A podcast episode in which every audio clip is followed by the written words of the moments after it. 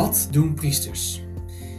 In deze serie kijken we naar de taken die priesters in het Oude Testament hadden.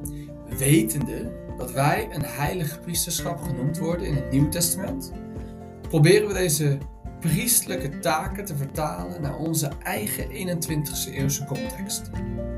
Ik wens je God zegen toe in het luisteren. Afhankelijk van God voor inkomsten. De priesters waren voor hun inkomsten afhankelijk van de afdracht van het volk. De tiende die het volk gaf waren ten behoeve van de priesters en de levieten. Dit kunnen we onder andere teruglezen in nummer 18, vers 21 en verder. En van die tiende moesten de priesters overigens zelf ook weer tiende afstaan. Het spannende was natuurlijk de vraag of hun volksgenoten die tiende wel zouden afstaan. Als dat niet deden, dan hadden de levieten een tekort. We kunnen ons voorstellen dat de situatie, zoals die in Malachi 3, vers 8 beschreven wordt, ook invloed had op de Levieten. Daar staat: Vinden jullie dat een mens God mag bestelen? Toch bestelen jullie mij en zeggen dan: Hoezo bestelen we u door de tiende en heffingen achter te houden?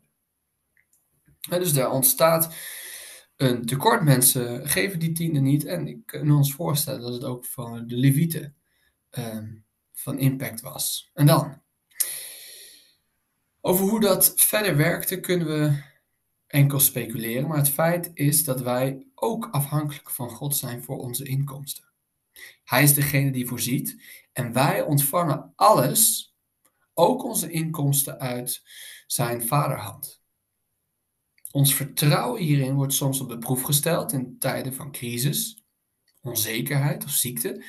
Maar juist dan mogen we omhoog kijken en bidden om ons dagelijks brood in de wetenschap dat God een voorziener is.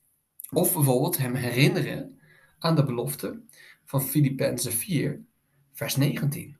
Daar staat: Mijn God zal uit de overvloed van zijn majesteit elk tekort van u aanvullen door Christus Jezus.